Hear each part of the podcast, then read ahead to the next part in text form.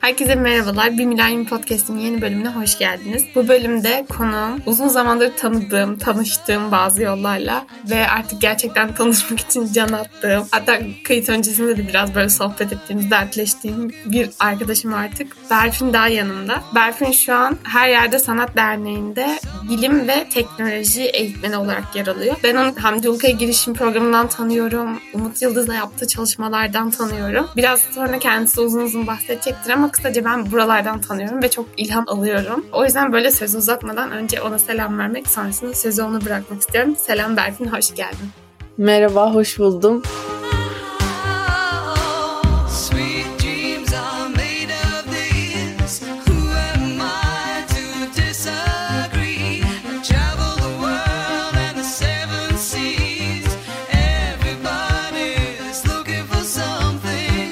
Teşekkür ederim bu arada beni ağırladığın için. Çok heyecanlıyım.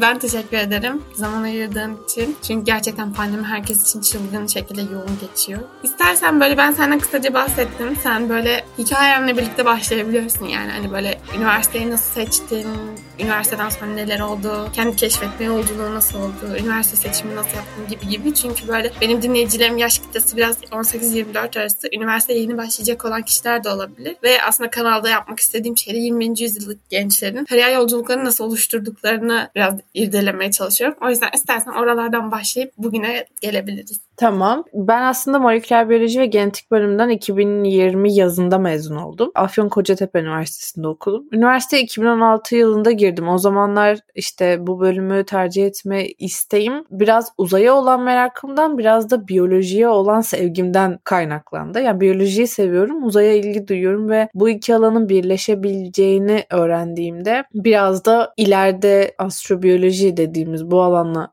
ilgilenmek için ilgili bir bölüm okumak istedim. O zamanlar tabii benim yine Umut Hoca ile tanıştığım zamanlara denk geliyor. Kendisine de sorarak karar vermiştim zaten. Moleküler biyoloji bölümünü bu yüzden istedim. İleride astrobiyoloji çalışmak için. İşte yaşamın temel evrimi, yaşamın kökeni, yaşamın başka gezegenlerde var olma olasılığı nasıl araştırırız? Bu biyolojik izleri nasıl inceleriz gibi. Bu istekle 2016 yılında moleküler biyoloji ve genetik bölümünü yazdım üniversite tercihlerime. Pek şanslı bir tercih dönemi geçirdiğimi söyleyemem. Yani birçok bizi dinleyenlerin yaş kitlesi de tam bu tercih dönemine denk geliyor olabilir de birçoğu için tabii talihsiz geçiyor. Benim için de öyle geçmişti. İstediğim üniversitede okuyamadım. Okuyamayacağımı anlamıştım zaten. Tekrar şansımı denemek yerine direkt balıklama dalmak istedim en son tercihime ve de gitmek istemediğim yere gitmek durumunda kaldım. Ama yine de sevdiğim bölümü okudum. istediğim bölümü okudum. Beni bağlayan, tutan, motive eden ve çalışmaya devam etmemi sağlayan şey de buydu aslında. Tamamen bölümüme olan sevgimdi. Hiç bırakmayı düşünmedim. Hatta ikinci sınıfta Hacettepe Üniversitesi'ni tekrardan kazanmıştım. Fizik mühendisliği bölümünü. Hacettepe'ye mi gitsem, burada mı kalsam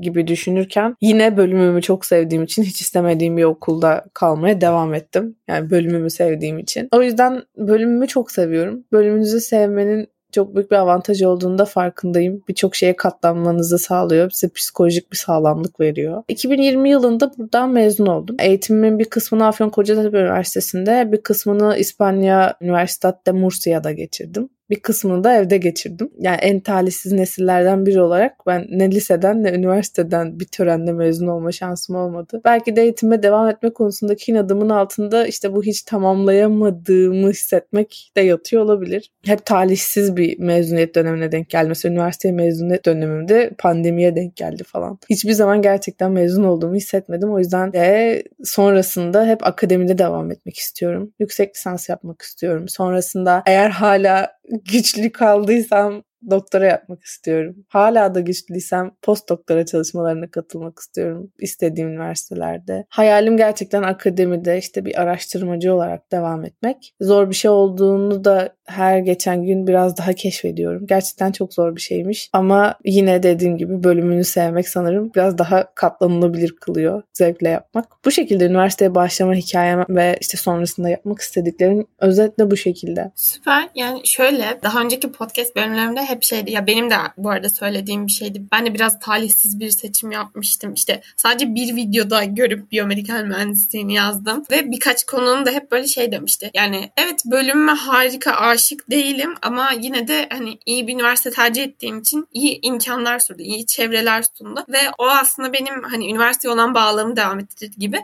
Şu an böyle çok farklı bakış açısından söyledim. Bence çok kıymetli. Gerçekten de hala buna seviyor olman ve dediğin gibi hani üniversite gibi böyle illet bir şeye katlanıp hala bu bölüme böyle bağlı oluyor olman, hala bundan yüksek lisans yapmak istiyor olman harika bir şey. Bu da aslında dediğin gibi bölümün insan hayatındaki önemini ne kadar şey yaptığını vurguluyor yani. Evet. Açıdan güzel bir cevaptı. Teşekkürler. Ben teşekkür ederim. Bu arada bu söylediğin de güzel bir nokta oldu. Çünkü biraz şeyde değinmek istiyorum. Kesinlikle yatırım tavsiyesi değildir. Yani bölümünüzü seviyorsunuz diye gidip herhangi bir üniversitede okumaya kalkmayın lütfen. Çünkü kesinlikle şunu çok net söyleyebilirim. Eh işte bir bölümde okuyup çok iyi bir üniversitede olmak varken eh işte bir üniversitede sevdiğim bölümü okumak gerçekten akıl kârı değil. Hele ki Türkiye'de eh işte bir üniversitede okumayın. Türkiye'de Taşra Üniversitesi'nde okumayın. Yani liseden farkı yok gerçekten. Maalesef ne yazık ki bunu çok üzülerek söylüyorum. Bu arada nitelikli eğitime kafasını takmış bir insan olarak söylüyorum bunu. Maalesef bu kötülemek amaçlı değil. Üniversitelerimizi işte yermek amaçlı değil. Belki yeri gelirse onu da yaparız. Ama şu an onun yeri değil. Gerçekten size sizi düşündüğüm için, yani gençleri düşündüğüm için söylüyorum bunu. Çok zordu. Yani bir şeye tutunmak, bölümüme tutunmak, yani özellikle akademide kariyer planlayan bir insanın bu çalışmalara tutunması hele ki böyle bir işte yetersiz gördüğü bir eğitim sürecinden geçerken, Taşra'da bir şehirdeyken çok zordu. Ben sürekli yollardaydım mesela. Sürekli İstanbul, Ankara, sürekli şehir değiştiriyordum. Oradaki insanlarla vakit geçirebilmek için, sadece o üniversitelerin kampüslerinde vakit geçirebilmek için, o üniversitelerin kulüplerinin düzenlediği etkinliklere gidebilmek için ben bin liraya yakın bazen yol masrafı verdiğim oluyordu. Üniversite öğrencisi için bunlar gerçekten karşılanabilecek miktarlar değildi ama benim sosyal hayatım yoktu mesela. Çünkü ben taşrada yaşıyordum. Yani hafta sonu çıkıp gezemiyordum. Hafta sonu yapacak bir aktivitem yoktu. Okuldan sonra yapacak bir aktivitem yoktu. Bir öğrenci kulübünde yapacak bir aktivitem yoktu. Bu yüzden param cebimde kalıyordu. Ben de ODTÜ'ye gidiyordum. Boğaziçi'ne gidiyordum. İTÜ'ye gidiyordum. Sürekli geziyordum ve bu üniversitelerin kampüslerinde yer almaya, hocalarla tanışmaya, kulüplerle çalışmaya, gönüllü faaliyetlerde yer almaya başlıyordum. Ve hiç kolay değildi. Eğer bunu yapmak isteyen varsa da yapabilir. Ama çok zor olduğunda peşinden söyleyeyim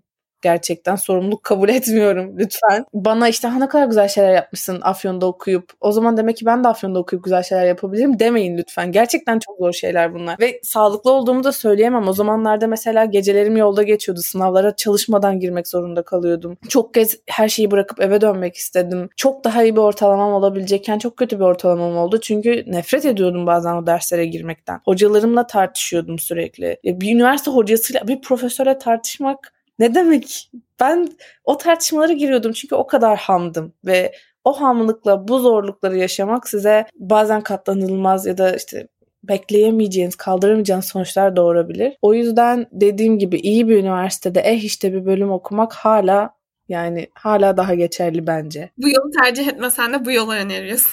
Ben tercih etmezdim. Ben yapmazdım. Kesinlikle yine de böyle yani yine olsa yine yapar mıydım bilmiyorum. Şu an bu çok zor bir soru oldu ama geldiğim yerden memnunum. Yaptığım her şeyden çok memnunum. Süper. Ya bence de aynen bu şekilde ben de düşünüyorum. Çünkü yaptığımız her doğru ya da yanlış karar bizi bugünkü biz yapıyor ve bugünkü aslında düşündüğümüz şeyleri getiriyor.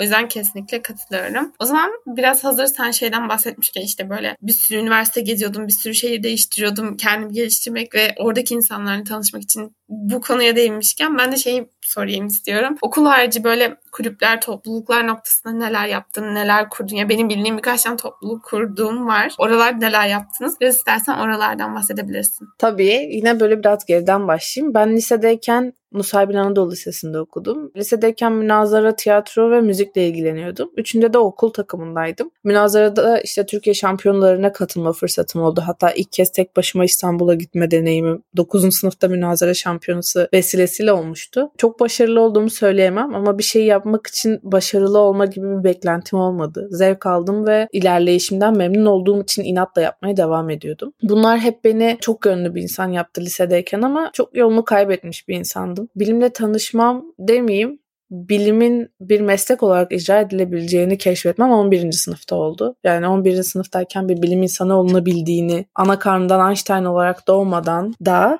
çalışarak bilim insanı olunabileceğini keşfettim. Bu benim için çok önemli bir keşifti. 11. sınıfta bunu keşfedince gerçekten bilim insanı olmak istediğimden emin oldum yapılabileceğini gördüğüm için. Bunun için de medyayı tabii sosyal medyaya gerçekten çok minnettarım. Bunu keşfettikten sonra sosyal medyada daha fazla vakit geçirmeye başladım. Sosyal medyada vakit geçirdikçe bilimle ilgilenen çok fazla gençle tanıştım. Türkiye'nin dört bir yanından. Onlarla sosyal medya etkinlikleri yaptık. Sonra farkında bile olmadan bir topluluk kurmuş olduk. Herkes bir yerde ve biz bir topluluk kurmuşuz. İşte web sitesi kurmuşuz. Artık üyelik formumuz var, mentorlarımız var. Antalya'da bir etkinlik oluyor mesela 15 tane farklı şehirden lise, üniversite öğrencileri öğrencileri olarak toplanıp oraya gidiyoruz. Bazen fon buluyoruz, burs buluyoruz. Cep harçlığımız çıkıyor. Yani artık bu bir gerçekten bir uğraş ve vaktimin çoğunu ayırdığım bir iş haline geldi gerçekten bu ekip içerisinde yer almak ve aktif olarak çalışmak. Üniversiteye geçtikten sonra da devam etti. Future Science Team'in hikayesine biraz giriş yapmış oldum. Üniversitede de işte ilk senesinde devam etti Future Science Team. Hatta 2018'e kadar devam etti. Evet pardon. Ben hala üniversiteye girdiğim seneyi karıştırıyorum. 2018'e kadar devam etti. Ondan sonra farklı üniversitelerin topluluklarıyla çalışmaya başladım. Mesela e, üye olmasam olmasam da vakit geçirmeye başladım. ODTÜ Amatör Astronomi Topluluğu,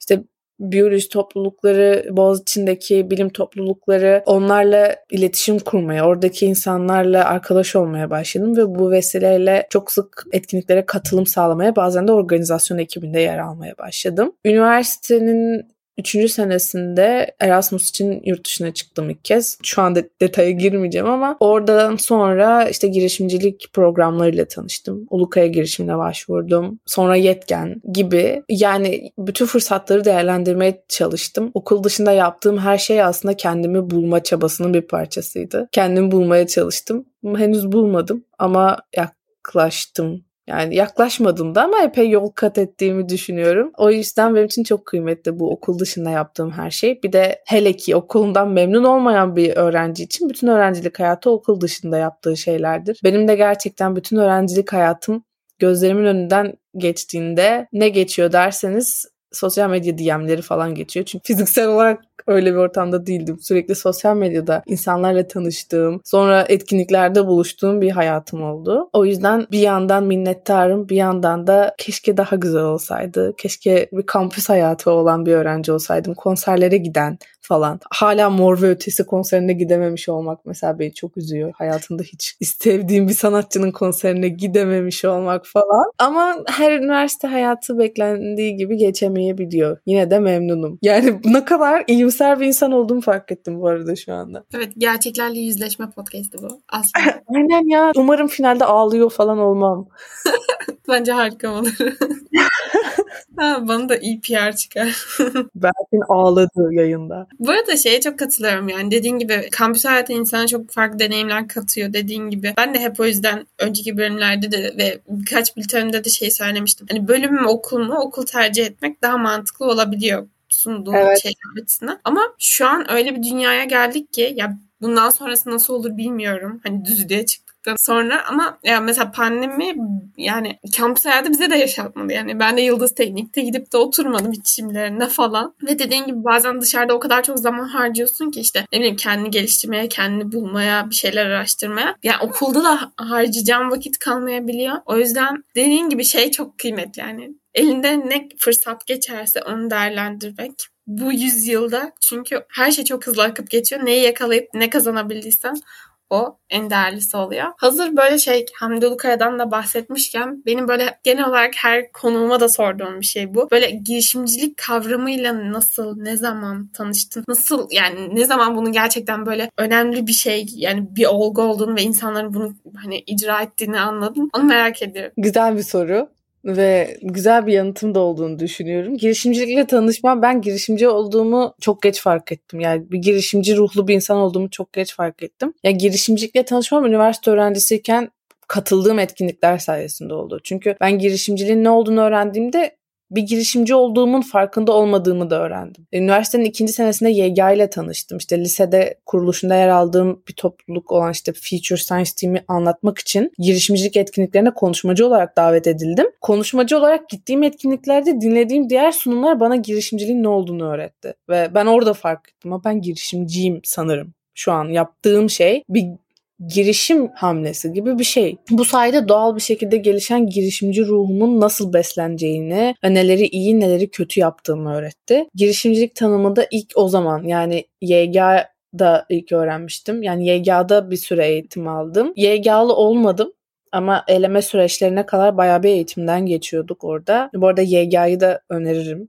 Öğrenci arkadaşları hem liseleri hem üniversitelere araştırmalarını. Orada birçok şeyi kez duydum ilk kez keşfettim. Sonra dediğim gibi Future Science Team'e çok fazla ilgi gösteriliyordu kurulduğu ilk zamanlarda ve çok fazla etkinliğe konuşmacı olarak davet ediliyorduk. Ben ilk başta neden olduğunu anlamıyordum. Sonra katılınca aslında yaptığımız şeyin çok büyük bir şey olduğunu anladım. Çünkü Future Science Team dağıldıktan sonra, çalışmayı bıraktıktan sonra ona benzeyen çok fazla topluluk ve oluşum olmaya başladı. Hatta firmalar, büyük şirketler Future Science Team'in yaptığı şeyi yapmak için kurum içi girişimci gruplar oluşturmaya başladı. Ya Future Science'den ilham aldılar demiyorum ama Future Science Team'in yaptığı şey bir ihtiyaç olarak doğmaya başladı ve büyük şirketler, okullar böyle topluluklar ya da böyle ekipler kurmaya, kuruluşlarına teşvik etmeye ve fon vermeye başladılar. O zaman ben anladım aslında yaptığımız şeyin gerçekten bir girişim olduğunu ve eğer bunun farkında olsaydık ve bir girişimcilik eğitimi almış olsaydım o zaman çok daha büyük bir eğitim girişimi olabileceğini fark ettim. Girişimcilikle tanışmam aslında bu şekilde oldu. Yani Future Science Team kurulduktan sonra bir şekilde etkinliklere davet edilmemiz, burada insanlarla tanışmamız sayesinde oldu. Sonrasında tabii Future Science Team 2018'de çalışmalarına son verdi. Yani yönetici ekip ilk başta değişti. Ben ilk başta ayrıldım. Vakit ayıramadığım için ve yeterince sürdüremediğim için. Sonra da bir ay sonrasında da ekip devam etmek istemedi.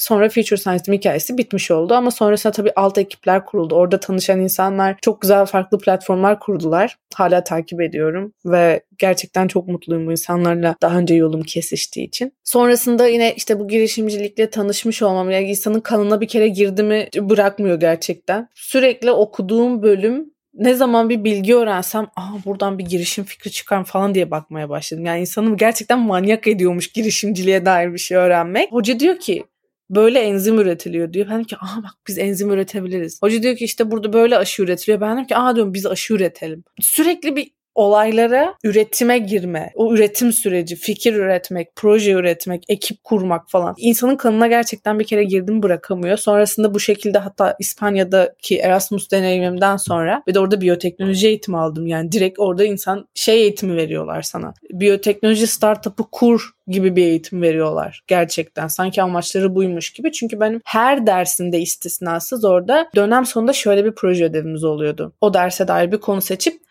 bir ürün üretiyorsun ve yatırım almak için sunum yapıyorsun. Oradaki bütün derslerimde bunu yaptım. Enzimatik dersinde, protein dersinde, genetik mühendisliği dersinde, immünoloji dersinde hepsinde bu sunumları yaptım. Ve bu benim girişimcilikle ilgili ve alanımla da kesişen bölümü hep besledi. Sonra orada aklıma gelen bir fikir vardı. Biraz astrobiyoloji olan ilgim, biraz biyoteknoloji bilgim, biraz işte girişimcilik bilgim birleşti ve dedim ki ben bununla Ulukaya girişimine başvurayım. Büşra Köksal arkadaşım o zamanlar bana Ulukaya girişimine başvurmamı çok öneriyordu. Ben de başvurdum. Sonra kabul aldım. Hiç beklemiyordum bu arada kabul almayı. New York'a gitmeye hak kazandım. Ve yine çok talihsiz bir insan olduğum için New York'a da gidemedim. Ya ben bir kere sen mezun olamıyorsun üniversiteden. New York'a gitmek senin neyine? E, hayal kurmuş olmam bile hata. New York'a gidemedim. Olsun. Yine her cümlemin sonunu olsunla bitireceğim. Öyle yani girişimcilik Hamdi Ulukaya girişimine de bu şekilde kabul aldım. Oradaki projem sonra girdikten sonra değişti. Yine eğitime yönelmeye başladım. Bir eğitim girişimi kurayım. Eğitime katkı sağlayan işte sosyal girişim olsun ama aynı zamanda nitelikli eğitim hedefine de biraz katkı sağlasın gibi. Bu şekilde yani girişimcilikle böyle tanıştım, böyle devam etti ve içimde de hep şey var biraz. Akademide devam etmek istiyorum ama sanki her an yine öğrendiğim bir bilgiyi alıp direkt startup kurmaya koşacakmışım gibi de bir his var. O hala böyle alev alev duruyor bir köşede. Biraz susturdum şimdi master başvuruları falan başladığı için. İleride yine sesi yükselebilir. Daha fazla alevlenebilir. Bilemiyorum yani girişimcilikten insan kolay kolay kurtulamıyor. O zaman bir diğer soruma geçmek istiyorum. Böyle biraz şeyden bahsettin. Hani yurt dışına gittiğinden hani Erasmus için LinkedIn'den de gördüğüm kadarıyla çok fazla yurt dışında da araştırmacı öğrenci olarak bulunmuşsun. O yüzden böyle şey sorusunu sormak istiyorum. Hani şu ana kadar onlar iş deneyimi olarak geçer mi bilmiyorum. Belki de geçerdir. Hani sen benden daha iyi cevaplarsın zaten oraya. Şu ana kadar böyle iş, staj deneyimleri nasıl oldu? Bu üniversitelerde birçok farklı üniversitede çünkü araştırmacı öğrenci olarak bulunmuşsun. Bunlar nasıl gelişti ve oralara nasıl girdin? Onları merak ediyorum. Nasıl girdim? Ya üniversitede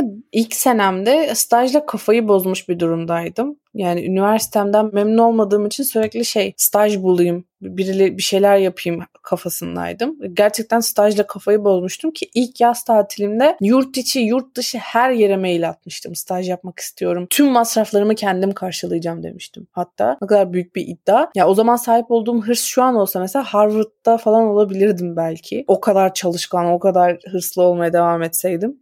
Ama ilk staj deneyimim ikinci sınıfın yazında oldu.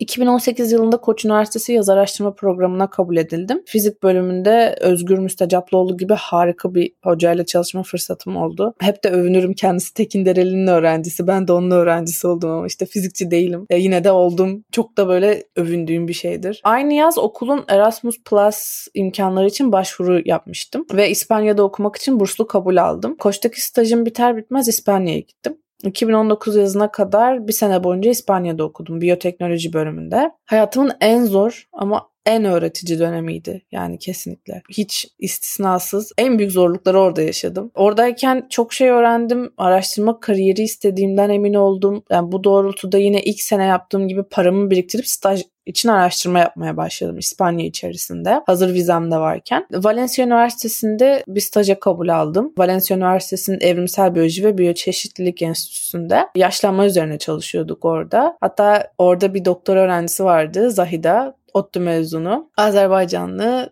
Türkiye'li. Orada onunla tanıştım ve benim akademik ablam oldu diyebiliriz. Valencia'da çalışırken Blue Marble Space Institute of Science'a başvurmuştum. İlk hani astrobiyolojiye olan ilgimden ve artık astrobiyolojiyle ilgili bir staj da yapmak istediğimden. Oradan da kabul aldım ve orada da araştırmalara başladım orada çalışmaya başladım. Bunların hepsi bu arada iş deneyimi değil, araştırmacı öğrenci deneyimiydi. Yani staj ve araştırma programı olarak geçiyor hepsi de. Böylece aynı anda hem okul hem de iki araştırma stajını birlikte yürütmeye başladım. Biraz zor olsa da beni akademiye çok iyi hazırladığını düşünüyorum aslında bunların. Valencia'daki stajım fiziksel olarak bir ay sürdü ama hala araştırma ekibiyle çalışmaya devam ediyorum. Yani şu an bile. Çünkü iki tane yayın üzerine çalışıyoruz. Bu iki makale yayınlanmasını planlıyoruz bu sene. Bunlar benim yer aldığım ilk yayınlar olacak. O yüzden duygusal anlamda da biraz kendime adadım. Blue Marble'daki çalışmalarım ise bir sene sürdü. Çok güzel bir konu çalışmıştım. Yani bütün stajlarım arasında en wow falan dediğim konu oydu. Ama en başarılı olduğum o değildi. Olsun. Çok güzel bir konu çalışıyordum. Bu araştırmanın poster sunumunu ODTÜ Astrobiyoloji Konferansı'nda yaptım 2019 Kasım'da ve programdan mezun oldum. 2020 başında sanırım evet. Üniversitedeki son dönemim devam ederken Mardin'de bir STK'da Alman Kalkınma Bakanlığı'nın fonladığı bir projede çalışmak için iş teklifi aldım. Zaten okul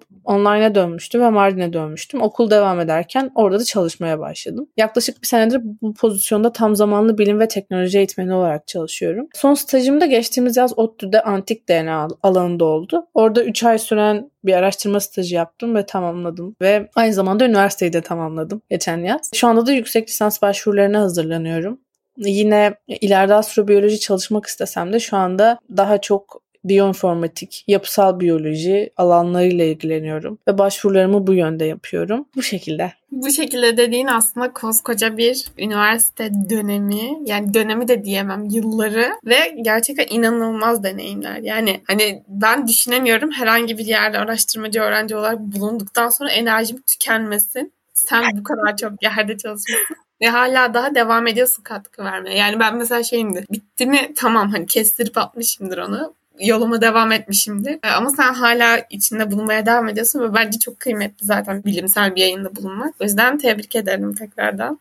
Ve bu kadar çok deneyimi de paylaştığın için teşekkürler. Şimdi biraz böyle seninle ilgili merak ettiğim ve aslında eminim başka yerlerden de duyduğum böyle birkaç sorum var. İlk soruna başlıyorum. Birçok şeyden bahsettin. Yani hem topluluk kurmak, topluluk yönetmek bunlar zaten zor şeyler. Bunun yanı sıra üniversitede bir öğrenciydin. Bunun yanı sıra böyle Erasmus'a gittin orada yaptığın şeyler var. Araştırmacı öğrenci olarak bundan bahsettin. Birçok şeyle ilgilendin ve hala da aslında bunlarla devam ediyorsun. Bu kadar çok şeyle meşgul olmanın senin kişisel gelişimini negatif yönde etkilediğini düşündüğün oldu mu? Aksine beni olmak istediğim insana yaklaştırdığını düşündüm hep. Çünkü ben her zaman yoğun olmak isteyen biriydim. Ve yoğun çalışma tempom olmadığında kendimi boşlukta hissettiğimi fark ettim. Kişisel gelişimimi uzun vadede pozitif etkilediğini düşünüyorum ama bu gelişim her zaman iyi ve sağlıklı hissederek olmadı. Yani her zaman iyi hissederek gelişmedim gerçekten çok kötü hissederek ama yine de geliştiğimi fark ederek devam ettiğim de oldu. Ruhen ve bedenen negatiflik içerisinde olduğum zamanlar oldu. Ama hepsinden yine çalışarak ve meşgul olarak çıktım. Yani kısacası bu kadar işle meşgul olurken çok zorlandım ve mental olarak çok zor zamanlar da geçirdim ama kendime ait bir hayat yaşadığımı hissetmek için bu meşguliyete bağlı olduğumu hissettim. Çünkü neyle meşgul olacağımı ben seçiyordum ve kendi seçtiğim, istediğim şeye emek vererek o konuda yetkinlik kazanıp profesyonelleşebiliyordum. Yani bu bir süper güç gibi. Çünkü bir insanı sıfırdan yaratabiliyorum. İstediğim özellikleri bir karaktere yüklemek gibi bir şey kendime bir hikaye ve onun oyun karakteri gibi bakıp kendi zevk aldığım bir hikaye yazar gibi yaşadım. En yoğun ve en yorucu dönemlerde bile edindiğim becerilere baktım. Kendime yüklediğim o özelliklere baktım. Bu şekilde düşünmeyi çok seviyorum. Çünkü bir insanı baştan yaratıyor gibi hissetmek, e, bunu lisedeyken fark etmek bence bir süper güç. O yüzden bir liselinin bunu fark etmesi çok önemli bir şey. Bir karakteri baştan yarattığınızı ve hangi özellikleri istiyorsanız onu yükleyebildiğinizi, çok çalışarak belki yeteneğiniz yoksa diğer insanlardan çok daha fazla çalışarak edinmeniz gerekiyor olabilir ama edinebiliyorsunuz. Hele ki günümüzde gerçekten istediğiniz bilgiye erişebiliyorsunuz ve deneyim kazanmak için insanlara ulaşabiliyorsunuz. İnsanlara ulaşmanın, iletişim kurmanın çok kolay olduğu dönemdeyiz. Ben hep bunun ekmeğini yedim gerçekten. Hep insanlarla iletişim kurabildim. İstediğim insanlara farklı kanallardan ulaşmayı denedim. Kalkıp gidip laboratuvarda görüştüm bazen çalışmak istediğim hocalarla ve ulaşılabilir insanlar oldular hep. Bu, bu konuda hep çok şanslıyız şu anda. O yüzden kişisel gelişimimi negatif etkilediğini düşünmüyorum. Aksine en başta da dediğim gibi olmak istediğim insana yaklaştığımı hissediyorum. Çünkü olmak istediğim insan yoğun olmayı seven biri. Şu anda da yoğun olmayı seviyorum ve hep böyle olmak istiyorum. Bunu bıraktığım zaman, yoğun olmaktan usandığım zaman, daha az çalışmak istediğim zaman muhtemelen çok mutsuz olurum.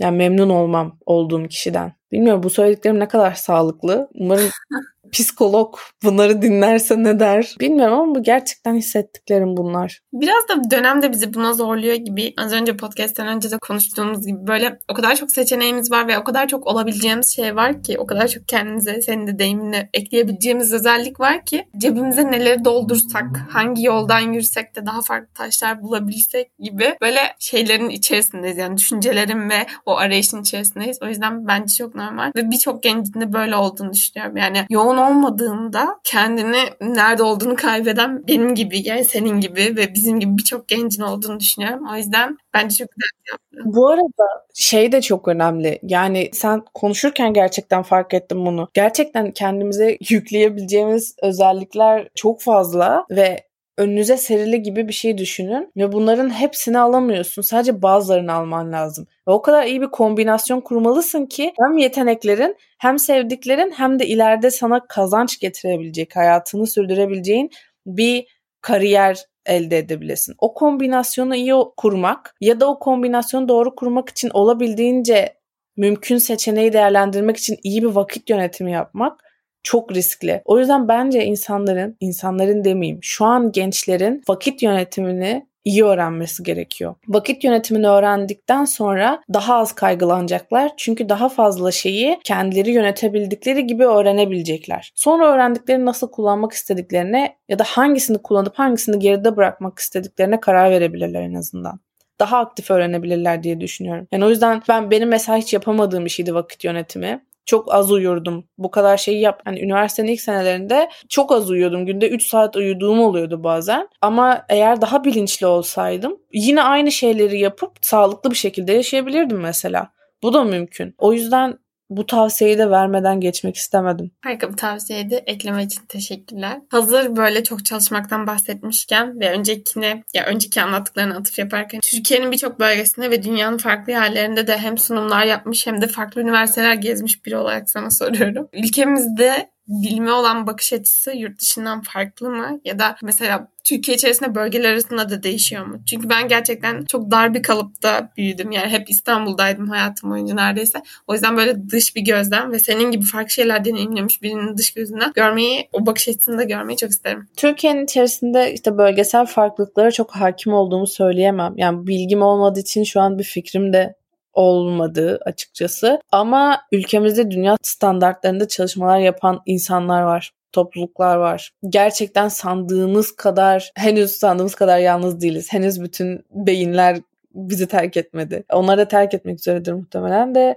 Gerçekten dünya standartlarında çalışmalar yapan yerler var ülkemizde ve göz önünde olmayan cevherler gibiler. Ama Ülkemiz derken genel yargıyı ve yönetimi ele almam gerekirse bilime olan bakış açısı maalesef çok sağlıksız bir durumda. Çünkü bunu bir bakış açısı veya şahsi fikir olarak yani göremeyiz. Pandemide çevresindeki ülkeler işte bilimin gösterdiği yolda kararlar alıp e, süreci yönetirken Türkiye'nin yaşadığı işler arası acısı durum da yani bu bakış açısının nasıl sonuçlandığını gösteriyor. Bilim aslında bir bakış açısı veya inanç konusu olmamalı. Çünkü bir kere bilime bir inanç gözüyle bakılmamalı çünkü bilimi bilime inanamazsın. Yani bilime inanma gibi bir lüksün yok. Bilimde inanmak yok ya bilirsin ya bilmezsin. Ya öğrenirsin ya öğrenmezsin. O yüzden bilimin sözüne kulak vermek istemeyenler ya da menfaatlerine ve konforuna ters düşen gerçeklerden kaçanlar aslında bir ülkenin hem kültürel anlamda, akademik, sanatsal,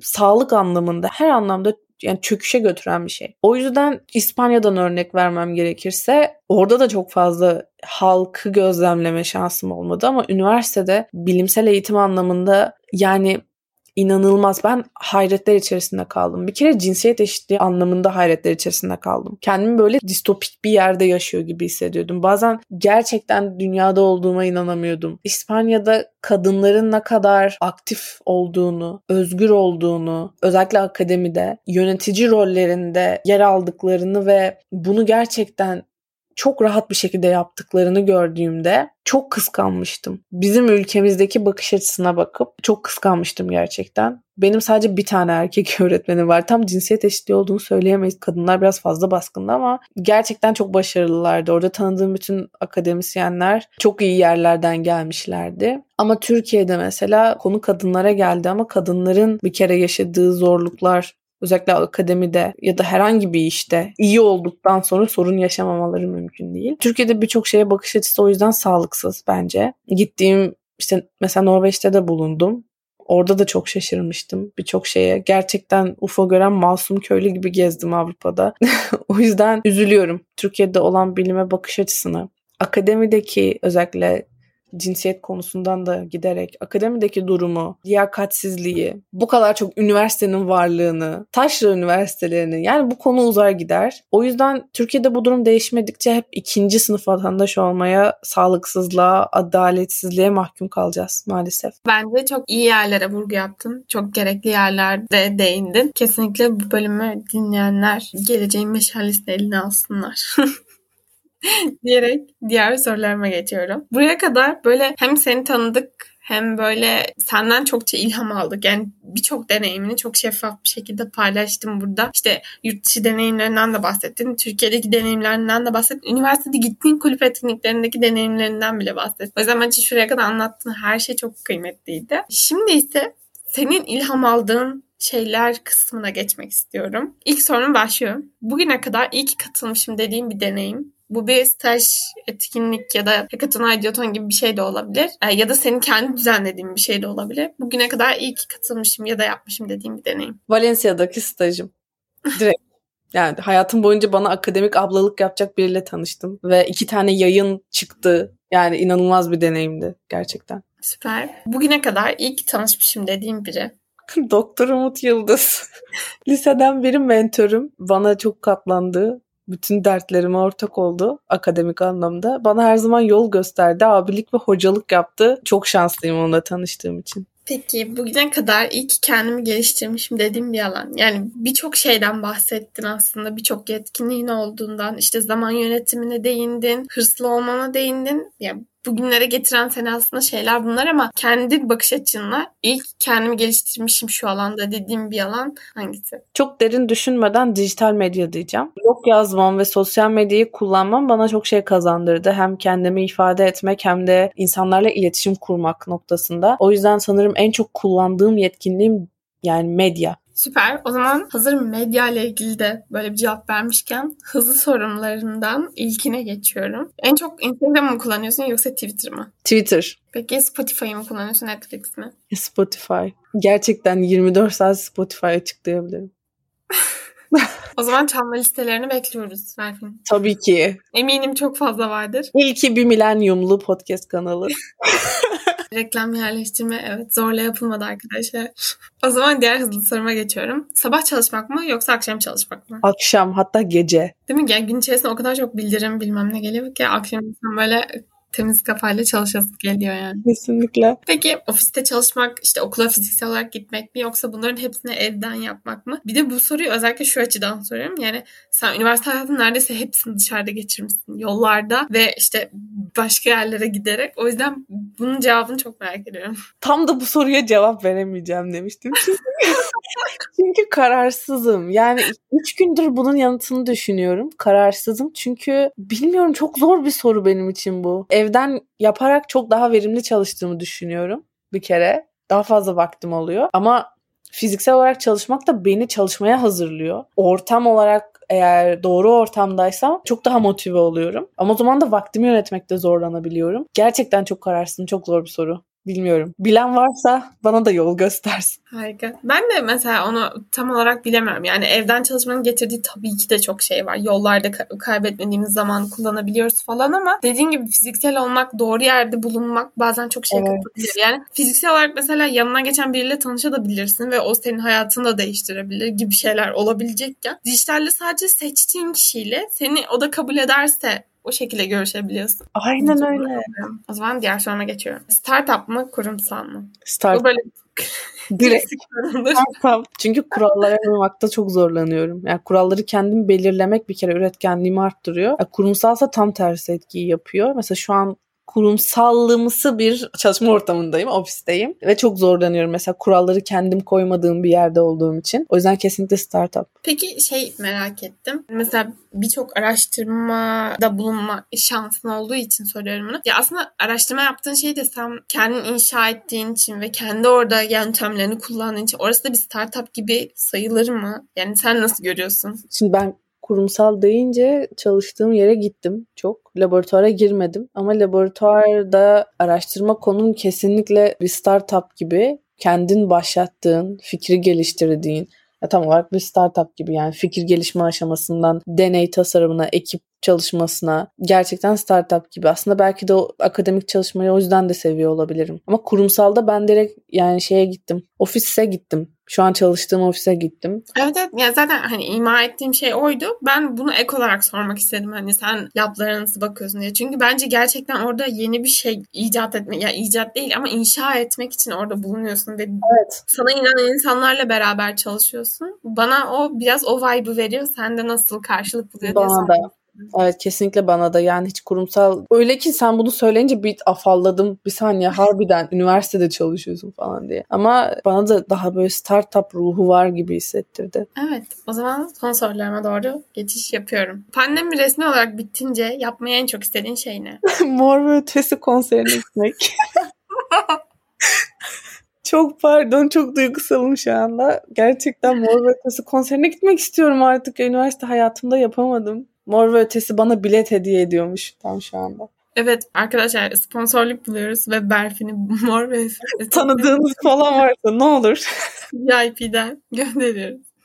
İnanılmaz herhalde. Ya bu şey getirdi aklıma bu arada. Ben İspanya'ya ilk gittiğimde canım çok çiğ köfte çekmişti. Sosyal medyada sürekli yazıyordum. Sonra Komagene bana 5 kilo çiğ köfte göndermişti İspanya'ya. Direkt ürün yerleştirme yaptım ama ya öyle bir best ki. Hani 5 kilo çiğ köfte gönderdiler falan. O yüzden böyle şeylerin gerçek olabildiğine inandığım için böyle direkt bilet falan dedim.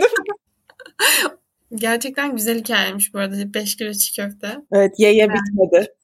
Beğendik. o zaman diğer soruma geçiyorum. Diğer sorum şu. Biraz girişimcilikten bahsettik. Hamdi Ulukaya programına girdiğinde girişiminin pivot ettiği hikayesinden de bahsettin hatta sen. O noktada şeyi merak ediyorum. Keşke ben kursaydım dediğim bir girişim var mı? Varsa hangisi? Var. Çok var. Ama en çok Yine hani bu şey Luka'ya girişimdeki fikrimin değişme sebebi de aslında buydu. İngiltere'de bir sosyal girişim kategorisine girebilecek Empowered by V diye bir iş var. V Kativu adlı bir üniversite öğrencisinin eğitimdeki fırsat eşitsizliğini azaltmak için başlattığı bir iş. Ben kurmuş olmayı çok isterdim. Hatta şu an yeterli enerjiyi ve motivasyonu bulsam ilk yapacağım şey benzer amaçla çalışan bir işi yerelde uygulamak olurdu. Süper. Onların da linklerini açıklamalara koyarım. Bültende bunları da yer veririz. Umarım Süper. Dinleyenler de okuyanlar da ilham alırlar oralardan. O zaman son sorumla kapanışa doğru geçiyorum. Ya böyle biz Z kuşağı genci olduğunu düşünüyorum. Çünkü böyle bunun tanımlaması tabii ki de yok ama hani 95'lerden sonrası ve aslında 2018'lere kadar olan kısım bence biraz Z enerjisini taşıyan bir kuşak diyebilirim.